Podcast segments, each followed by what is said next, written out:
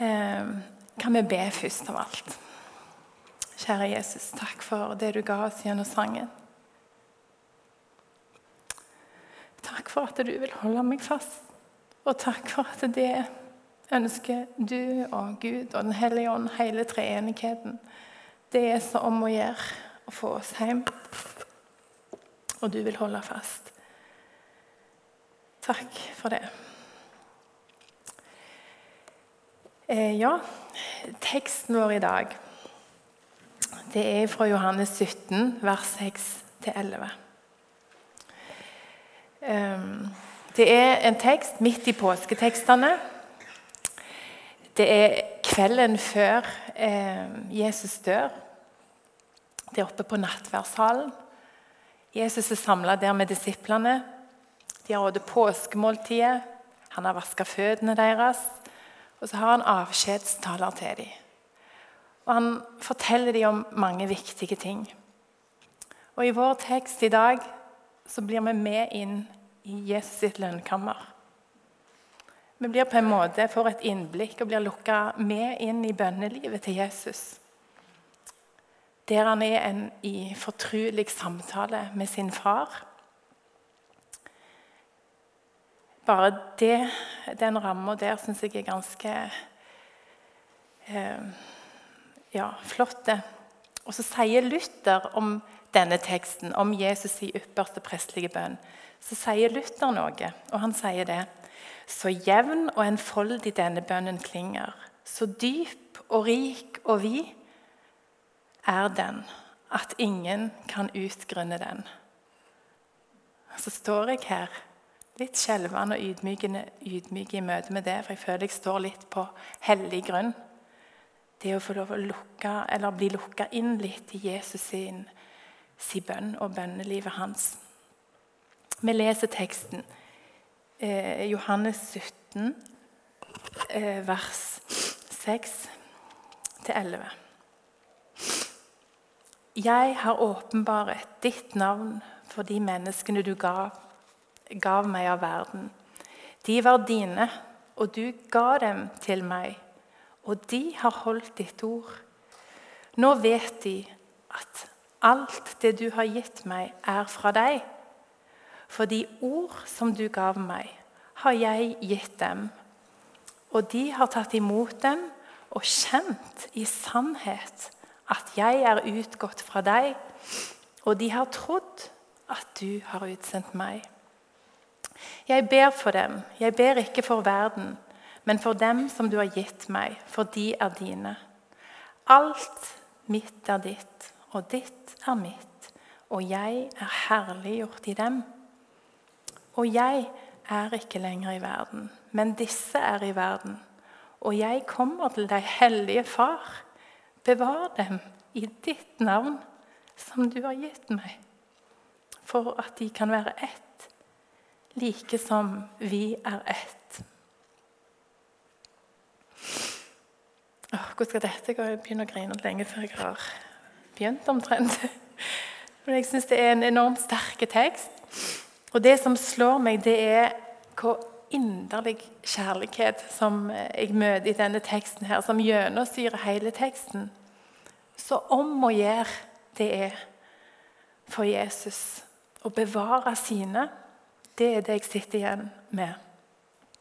Så står det jo denne teksten bekrefter bare det som står i Johannes 13. Der står det i vers 1 eh, der.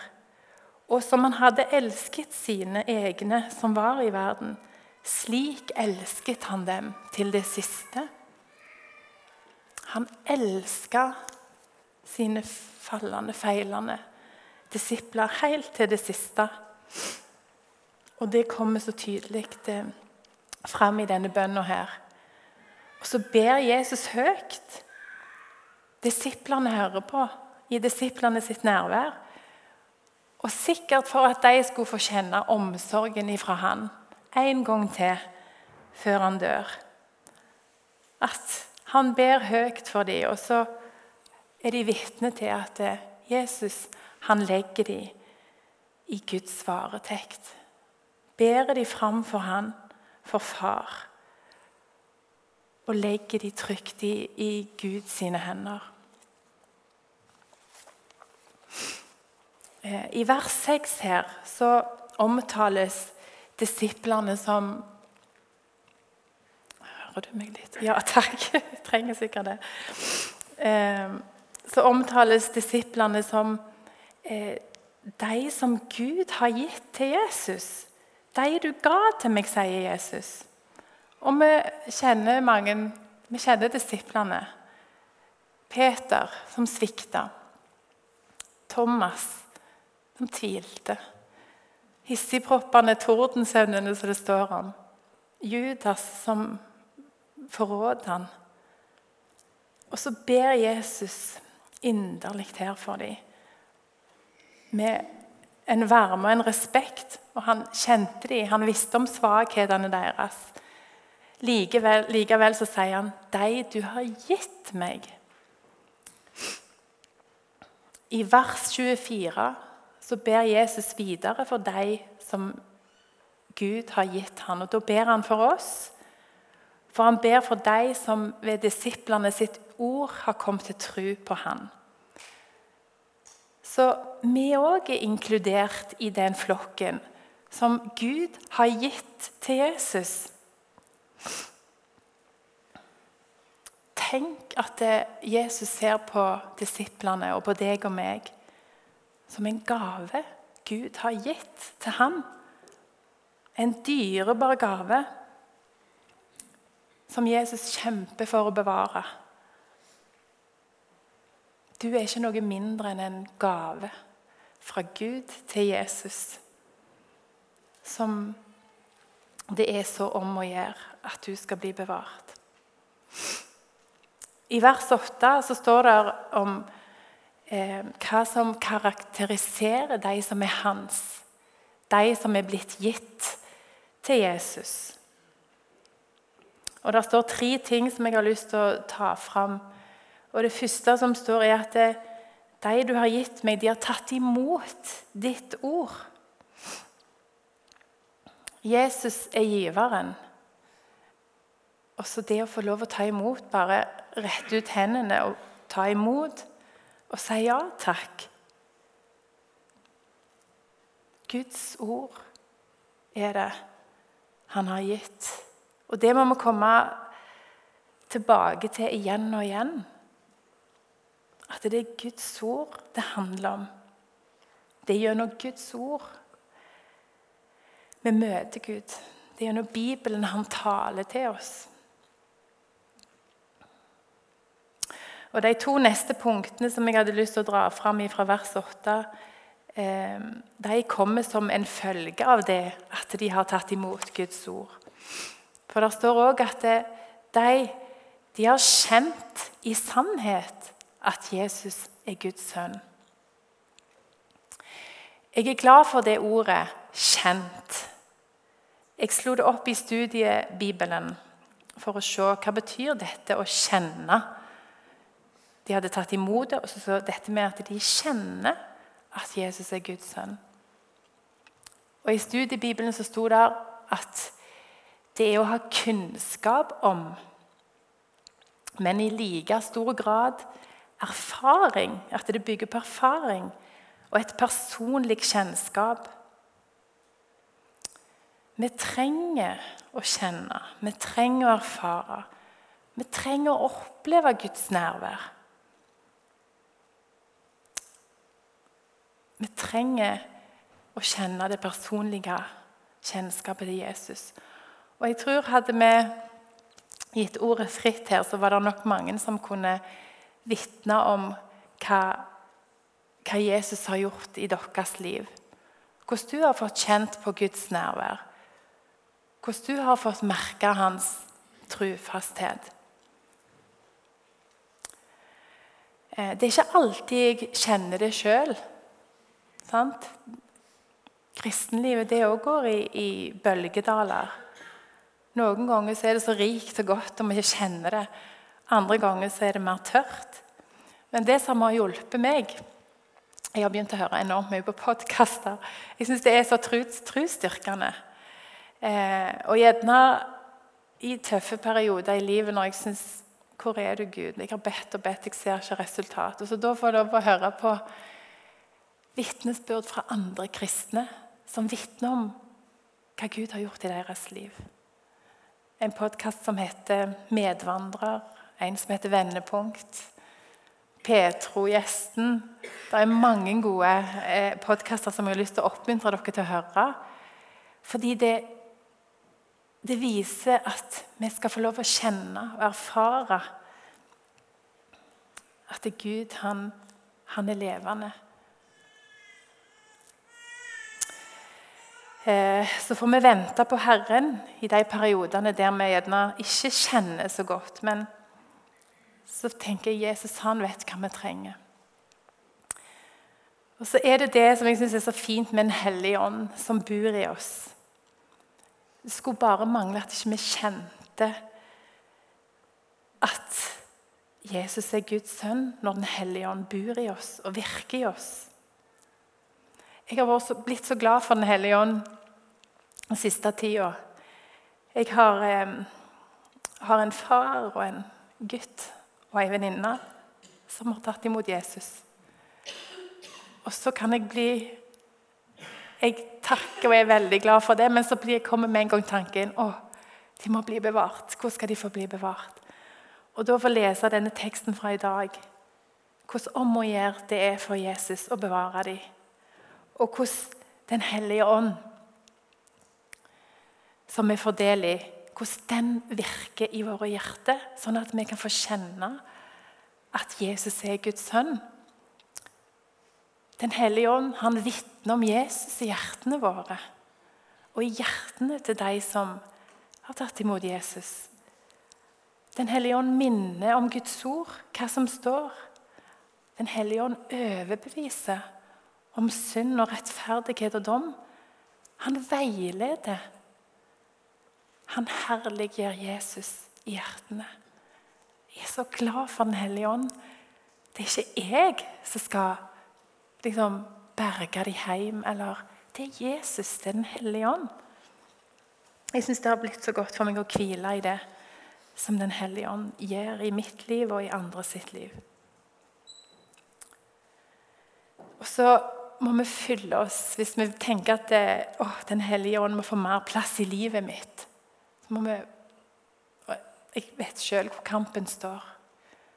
Hvor vanskelig det kan være å sette seg ned og fylle seg med Guds sannheter. Ta tid til bibellesing og bønn. Men la oss hjelpe hverandre til det. Be for hverandre, så, så vi kan fylle oss med Guds ord. Det siste punktet i det verset 8 her, som karakteriserer eller kjennetegner de som, som er Jesus sine, det er at de tror at Jesus er utsendt fra Gud. De har tatt imot, de har kjent at Jesus er Guds sønn, og så skapes trua.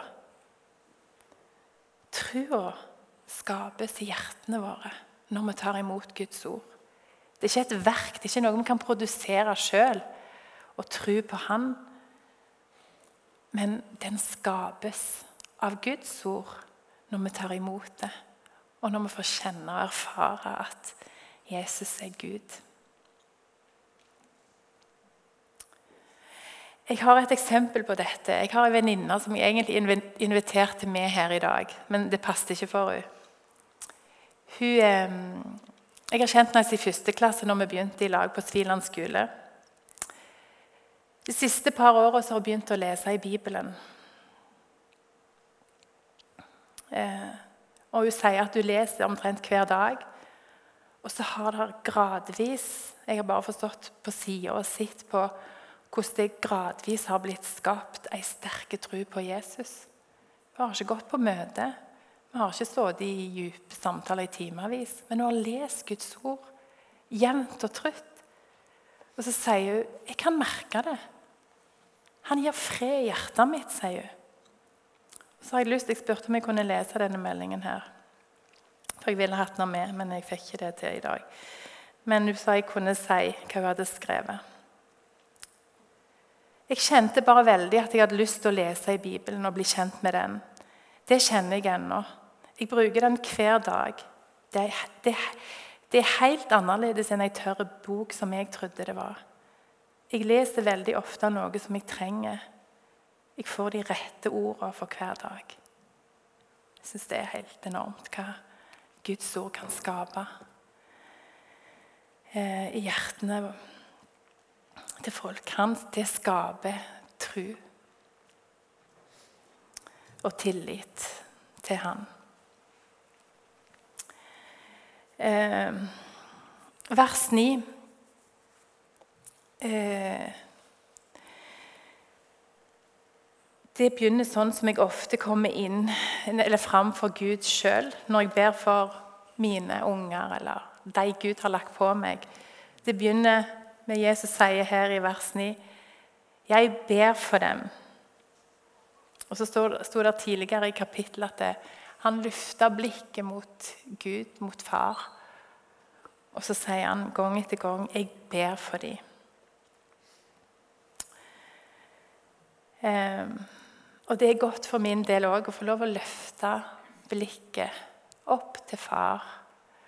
Vekk fra mine begrensninger og bekymringer og min tvil. Og, ja, å få lov å løfte blikket opp til far. Og så få lov til å be og legge dem fram. Og sånn som Jesus ba for disiplene sine der siste kvelden. Sånn ber han for deg og meg òg i dag. Så står det i vers 24 Når han ber for de som kommer til tru med disiplene sine ord Så sier han, 'Far, jeg ber', sier han. Og Gud vil at du skal bli bevart. Jesus vil det. Den hellige ånd, hele treenigheten, ønsker at du og meg må bli bevart. Det er så om å gjøre. Så vil jeg lese fra Romerne 8, som bekrefter mer om hvordan ivaretatt vi er. Hvordan vi blir bedt for. Skal vi se om jeg finner det her. Romerne 8, vers 26. Også her kommer Ånden oss til hjelp i vår skrøpelighet. For vi vet ikke hva vi skal be om slik vi burde. Men Ånden selv går i forbønn for oss, med sukk som ikke rommes i ord.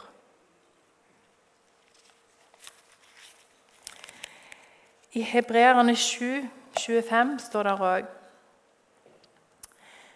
Derfor kan han også fullkomment frelse dem som kommer til Gud ved ham, da han alltid lever til å gå i forbønn for dem. Jesus lever for alltid å gå i forbønn for sine. Tenk det. Den hellige ånd ber for oss. Jesus, hele treenigheten. De heier oss fram. De vil så gjerne ha oss eh, hjem. Eh, og, og disse versene jeg leste her, det hjelper meg å se og forstå hvor dyrebare vi er for Jesus. Hvor om, det, hvor, hvor om å gjøre det er for han å få oss hjem. Vers 9 kan høres litt hardt ut. Der står det at 'jeg ber ikke for verden', sier han. Men det betyr ikke at, ikke har, at ikke Jesus har omsorg for verden. For det var de han skulle dø for. Men her i denne bønnen her, som er i vår tekst, så er bønna konsentrert om de som skal bringe frelsesbudskapet til verden. Eh, og Da er det litt naturlig å gå over til vers 10. Der, der står det at eh, 'jeg er herliggjort i dem'. Og det er litt voldsomt å lese. Eh, at Jesus han er herliggjort i deg og meg. Herliggjort? Er det at jeg skal få bære Hans herlighet? Det fyller meg med, med et stort ansvar og, og ydmykhet. At Jesus skal bli herliggjort i mitt liv. Eh, det er ingenting mer jeg ønsker enn det. Å få lov til å være med og bære Hans herlighet til verden. I Johannes 1, 14 eh, står det at vi så hans herlighet, en herlighet som han hadde fra sin far, altså om Jesus. Og om den herligheten står det full av nåde og sannhet.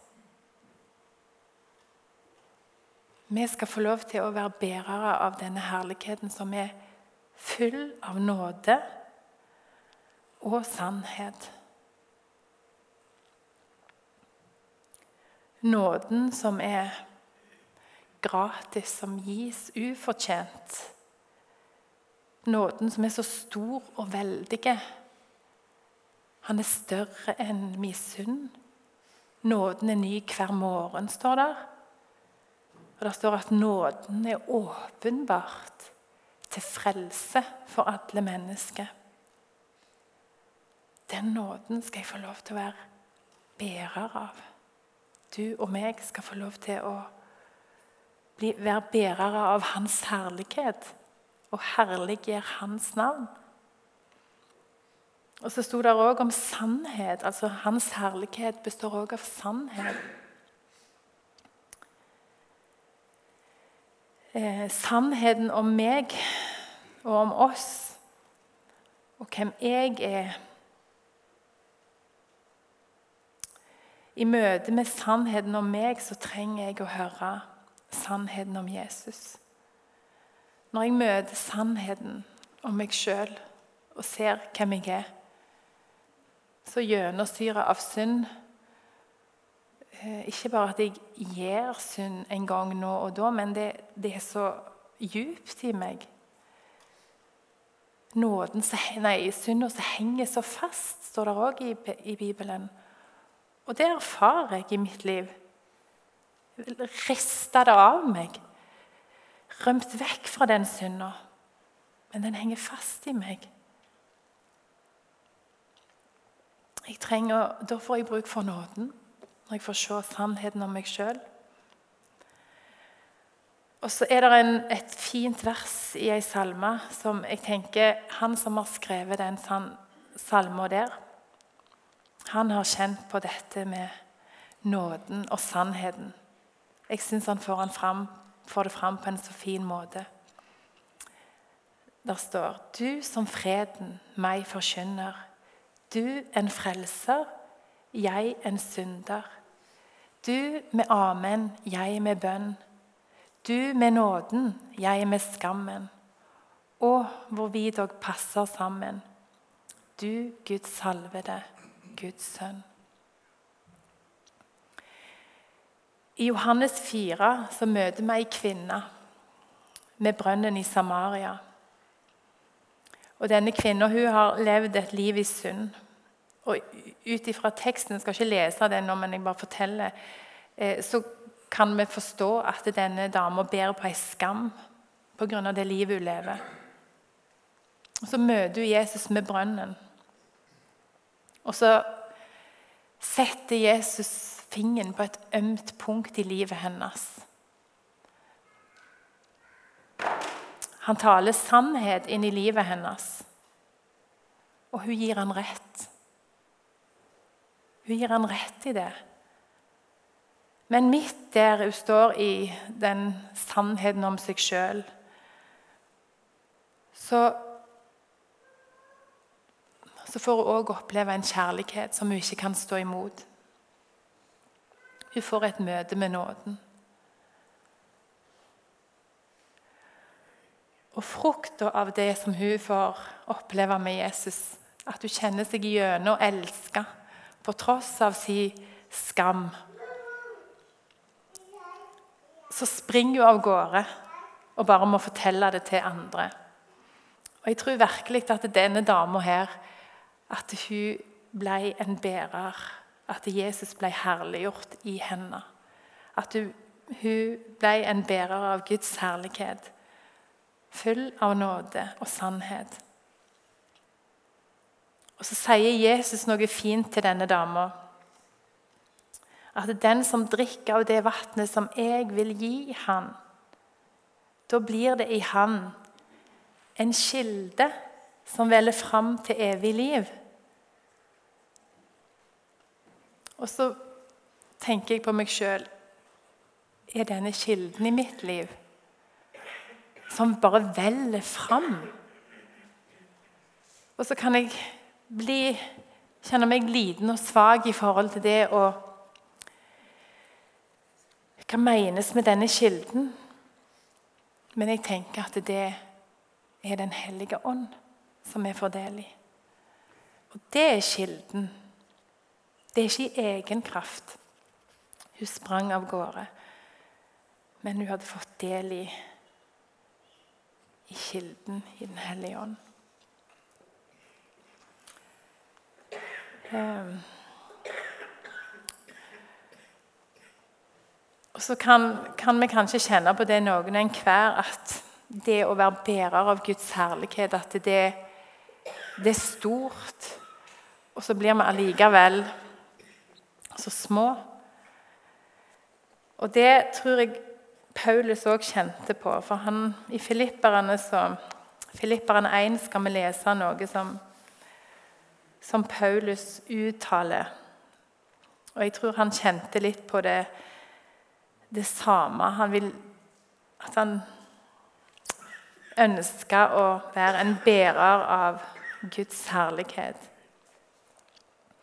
Så sier han, slik er det min lengsel og mitt håp, at jeg ikke skal bli til skamme i noe, men at Kristus nå som alltid må bli æret ved mitt legeme i all frimodighet, enten det skjer ved liv eller ved død.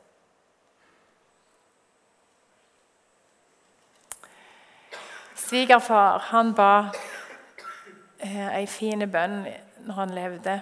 Nesten hver gang han ba, så avsluttet han med La meg få lov til å leve deg til ære og min neste til gavn. Og det er min bønn òg. Om jeg får lov til å leve deg til ære. Og så skal jeg slippe å gå i egen kraft. For i Kolosserne 1 så står det Kristus i dere, håpet om herlighet. Det er ikke jeg sjøl som skal få lov å bære håp om herlighet. Jeg og du skal liksom ut og bære. Nei, Kristus i dere. Altså Kristus og Den hellige ånd i oss. Da kan vi bære håpet om herlighet ut til til våre medmennesker, ut til verden, sånn at eh, de òg kan få håp. Kristus i dere, håp om herlighet. Det siste verset, vers 11 her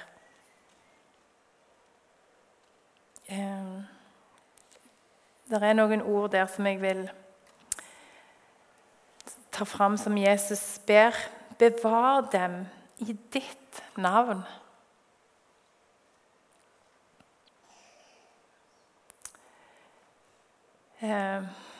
Det er Jesus sitt navn som teller. Når jeg forsto på en måte det 'bevar dem i ditt navn', da ble det sånn Amen.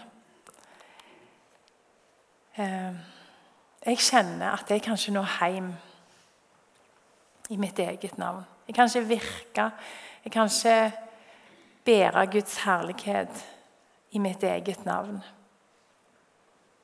Men i Jesus sitt navn så kan vi bli bevart. Han som begynte den gode gjerning i deg og meg, han vil fullføre den Det er hele veien tilbake til Jesus. Han vil fullføre. I hans navn er det vi skal bli bevart. Eh, og i hans navn så står det i Kolosseren 1 at vi er hellige. Vi er ulastelige og ustraffelige i hans navn. Mektig nok navn til å bli bevart i. I Jesus. Eh. Og hva betyr egentlig Guds navn når det står 'i ditt navn', 'bevar det i ditt navn'? Moses var vel den første som fikk høre det, eh, hva Guds navn betyr. Og Gud sa, 'Jeg er'. Det er mitt navn. Jeg er.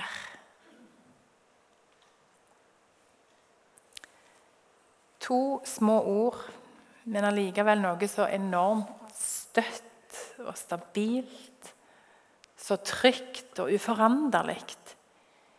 I skiftende tider, gjennom pandemi, gjennom krig, gjennom uro i organisasjonen vår. Hans navn er det samme. Jeg er. Han er den samme.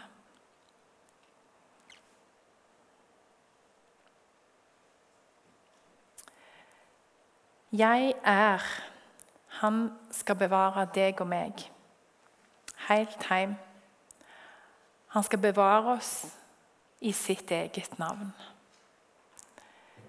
Det var det jeg hadde lyst til å dele med dere i dag. For at du som begynte den gode gjerning, du er mektig til å fullføre. Takk for at vi kan bli bevart i deg, i ditt navn. Så er vi hellige, ulastelige og ustraffelige. Og det er stort nok til å bli bevart helt hjem. Jesus, takk for at du kan bruke oss til å bære din herlighet. Takk for Den hellige ånd. Takk at du veileder, du hjelper. Du minner oss om ting. Du ja, du opplyser oss. Ber at alle som er her, må bli bevart hjem. Helt hjem. I ditt navn. Amen.